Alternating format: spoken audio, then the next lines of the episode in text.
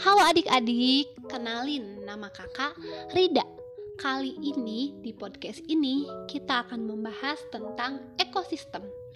Adik-adik, apakah kalian tahu di mana harimau hidup? Yaps, di hutan, di hutan yang lebat. Adik-adik, kalian juga tahu di mana beruang kutub tinggal? Di kutub utara. Harimau mencari makan di hutan, begitupun dengan beruang kutub yang mencari makan di lingkungan tempat tinggalnya atau di kutub utara. Makhluk hidup juga berinteraksi dan bergantung terhadap lingkungan tempat tinggalnya. Makhluk hidup juga berinteraksi dan bergantung terhadap makhluk hidup lainnya juga, baik untuk mencari makan, berlindung, dan sebagainya. Nah, interaksi antara makhluk hidup dan benda-benda tak hidup pada sebuah lingkungan disebut ekosistem. Adik-adik, ekosistem itu tersusun mulai dari individu, populasi, dan komunitas. Ekosistem dibagi menjadi dua jenis, yaitu ekosistem alami dan ekosistem buatan. Ekosistem alami yaitu ekosistem yang terbentuk karena adanya pengaruh alam sekitar, bukan karena campur tangan manusia. Sedangkan ekosistem buatan adalah ekosistem yang diciptakan manusia untuk memenuhi kebutuhannya. Ekosistem alami terdiri dari ekosistem air dan ekosistem darat. Dalam ekosistem air ada ekosistem air tawar dan ekosistem air asin. Sedangkan pada ekosistem darat terdiri dari ekosistem hutan, padang rumput, padang pasir, tundra, dan taiga. Sedangkan untuk contoh dari ekosistem buatan ada sawah dan bendungan. Adik-adik, pada ekosistem air tawar terdapat ekosistem da ekosistem danau, kolam, dan sungai. Ekosistem air tawar itu mendapatkan cukup sinar matahari. Tumbuhan yang paling banyak hidup pada ekosistem ini adalah ganggang. Sedangkan pada ekosistem air asin terdapat ekosistem terumbu karang dan ekosistem laut dalam. Berbagai jenis ikan, kerang, koral, dan makhluk laut lainnya hidup pada ekosistem ini. Terdapat juga beberapa jenis hewan kecil dan tumbuhan alga yang dapat membuat sendiri makanannya. Adik-adik, pada ekosistem darat, contohnya ada ekosistem hutan hujan tropis, sabana, padang rumput, gurun, taiga, dan tundra. Ekosistem darat ini dibedakan oleh tingkat curah hujan dan iklimnya. Perbedaan tersebut menyebabkan jenis tumbuhan dan hewan yang ada di dalamnya juga berbeda. Tumbuhan seperti rotan dan anggrek, serta hewan seperti kera, burung, badak, dan harimau berada pada ekosistem hutan hujan tropis. Ekosistem sabana memiliki curah hujan yang lebih rendah dari ekosistem hutan hujan tropis. Maka hewan-hewan yang hidup pada ekosistem sabana yaitu serangga, mamalia seperti zebra dan singa. Kemudian ada ekosistem padang rumput. Ekosistem ini memiliki curah hujan yang lebih rendah lagi dibandingkan ekosistem sabana yang tadi. Tumbuhan khas pada ekosistem ini yaitu bison, singa, anjing liar, serigala, gajah, jerapah, kanguru, dan ular. Kemudian gurun. Gurun merupakan ekosistem yang paling gersang karena curah hujan yang sangat rendah. Tumbuhan jenis kaktus yang memiliki duri ada pada ekosistem ini, sehingga mengurangi penguapan. Hewan-hewan yang bisa hidup pada ekosistem ini antara lain semut, kadal, kalajengking, dan beberapa hewan malam lainnya. Suhu pada ekosistem taiga sangat rendah pada musim dingin. Nah, ekosistem taiga ini biasanya merupakan hutan yang tersusun atas satu jenis tumbuhan seperti cemara, pinus, dan sejenisnya. Hewan seperti beruang hitam dan ajak biasanya hidup pada ekosistem ini. Dan yang terakhir yaitu tundra, merupakan ekosistem yang dingin dan kering banyak jenis tumbuhan tidak bisa hidup pada ekosistem ini karena rendahnya suhu di lingkungan sepanjang tahun. Akar-akar tanaman tidak dapat tumbuh pada suhu yang dingin. Maka tumbuhan jenis tertentu yang mampu bertahan. Beberapa burung bersarang di ekosistem tundra pada saat malam hari, seperti angsa dan bebek. Nah, adik-adik, ternyata makhluk hidup ini memiliki habitatnya masing-masing.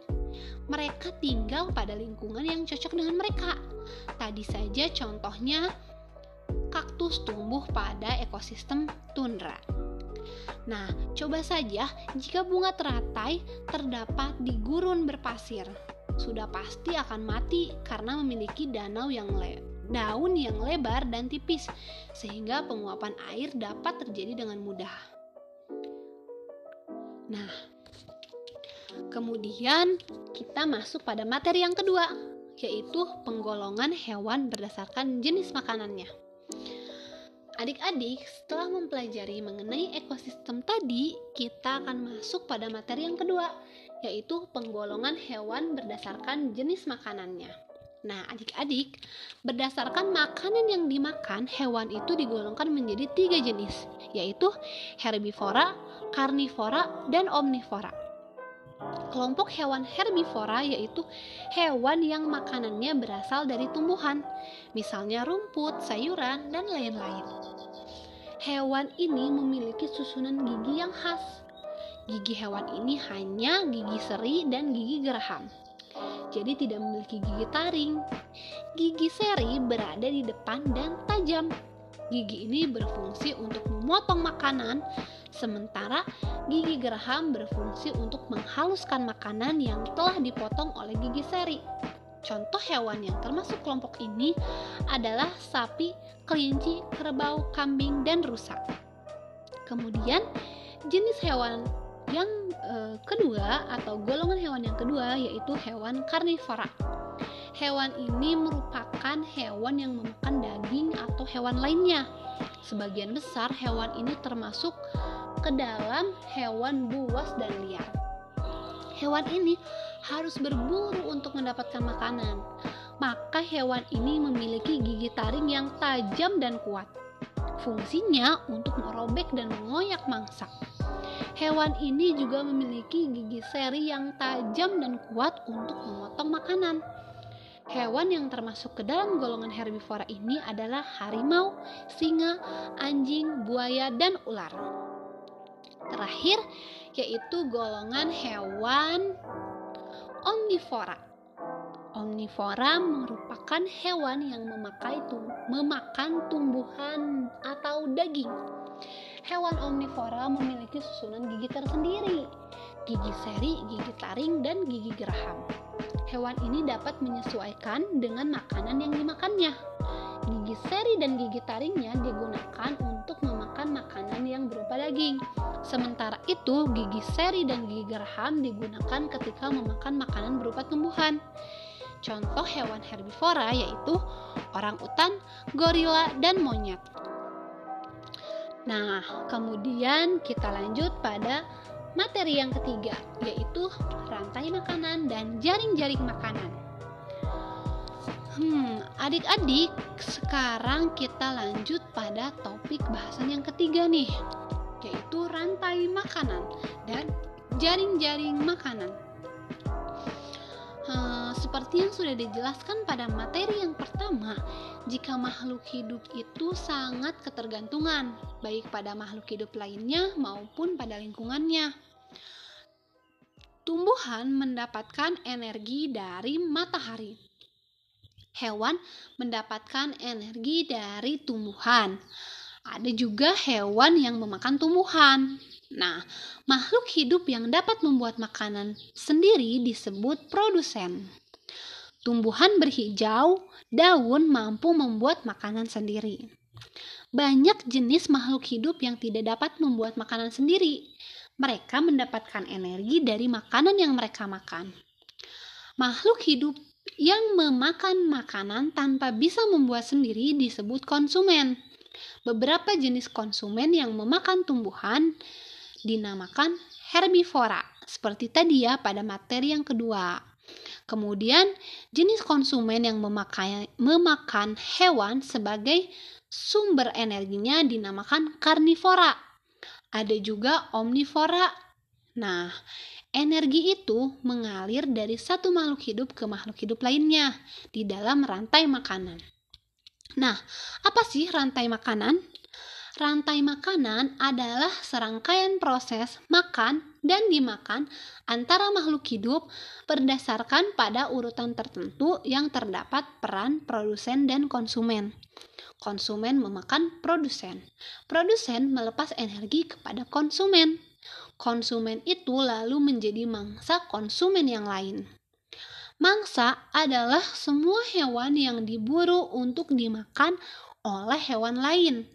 Dengan demikian, mangsa akan melepas energinya kepada pemangsa. Pemangsa atau predator adalah konsumen yang berburu makanan. Jadi, dalam sebuah ekosistem terdapat hubungan antara beberapa rantai makanan yang terjadi satu produsen, satu jenis hewan dapat terlibat dalam beberapa rantai makanan, demikian juga dengan satu produsen. Kumpulan dari beberapa rantai makanan di dalam sebuah ekosistem disebut dengan jaring-jaring makanan. Di dalam jaring-jaring makanan, jumlah hewan yang terlibat makin banyak dan energi yang mengalir juga makin kompleks. Pada jaring-jaring makanan dimungkinkan terjadi persaingan antar makhluk hidup baik dalam rantai makanan maupun di dalam jaring-jaring makanan. Setiap komponen yang ada di dalam jaring-jaring makanan saling mempengaruhi satu dengan yang lainnya.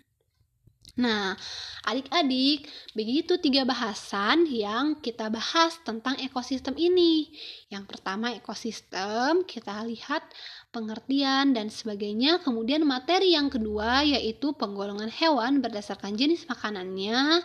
Dan yang ketiga tadi rantai makanan dan jaring-jaring makanan. Nah, mudah-mudahan adik-adik bisa paham mengenai ekosistem penggolongan makanan dan rantai makanan ini. Mudah-mudahan e, bisa bermanfaat untuk kita semua. Sekian yang dapat Karida sampaikan. Wassalamualaikum warahmatullahi wabarakatuh.